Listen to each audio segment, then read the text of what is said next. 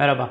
Bu videoda 2018 yılında konut fiyatları nasıl değişmiş hem bunu özetleyeceğim hem de 2011'den bu yana konut piyasasında fiyatların değişimini özetlemeye çalışacağım. Bu çalışmada kullanmış olduğumuz veriler İstanbul Gayrimenkul Değerleme Araştırma Birimi tarafından hazırlandı. Konut fiyat değişimleri bir önceki yılın aynı dönemiyle karşılaştırılarak inceleniyor. 2011 yılında konut fiyat değişimleri %7 ile %12 arasında seyretmiş.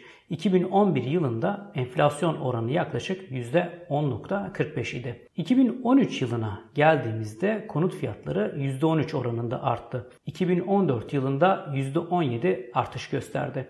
2015 yılında %17-18 aralığında artış gösterdi. Bu yıllarda tüfe yaklaşık yıllık %7-8 civarındaydı. 2016 yılında konut fiyat artışları yönünü aşağıya doğru çevirdi ve %15'lerin altına inerek 2016 yılını %12 artışla tamamladı.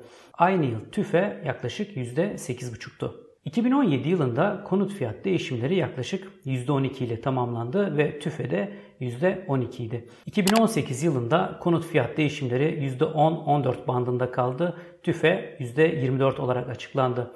Özetlemek gerekirse 2017 yılında konut fiyatları enflasyona karşı kendini korumaya çalışırken 2018 yılında %14 artışa karşı enflasyonun %24 oranında gerçekleşmesi ile %10 zarar etmiş oldu konut fiyatları. Serinin diğer videolarını izlemeyi unutmayın. 2018 yılı gayrimenkul piyasasını sizler için özetlemeye çalışıyorum.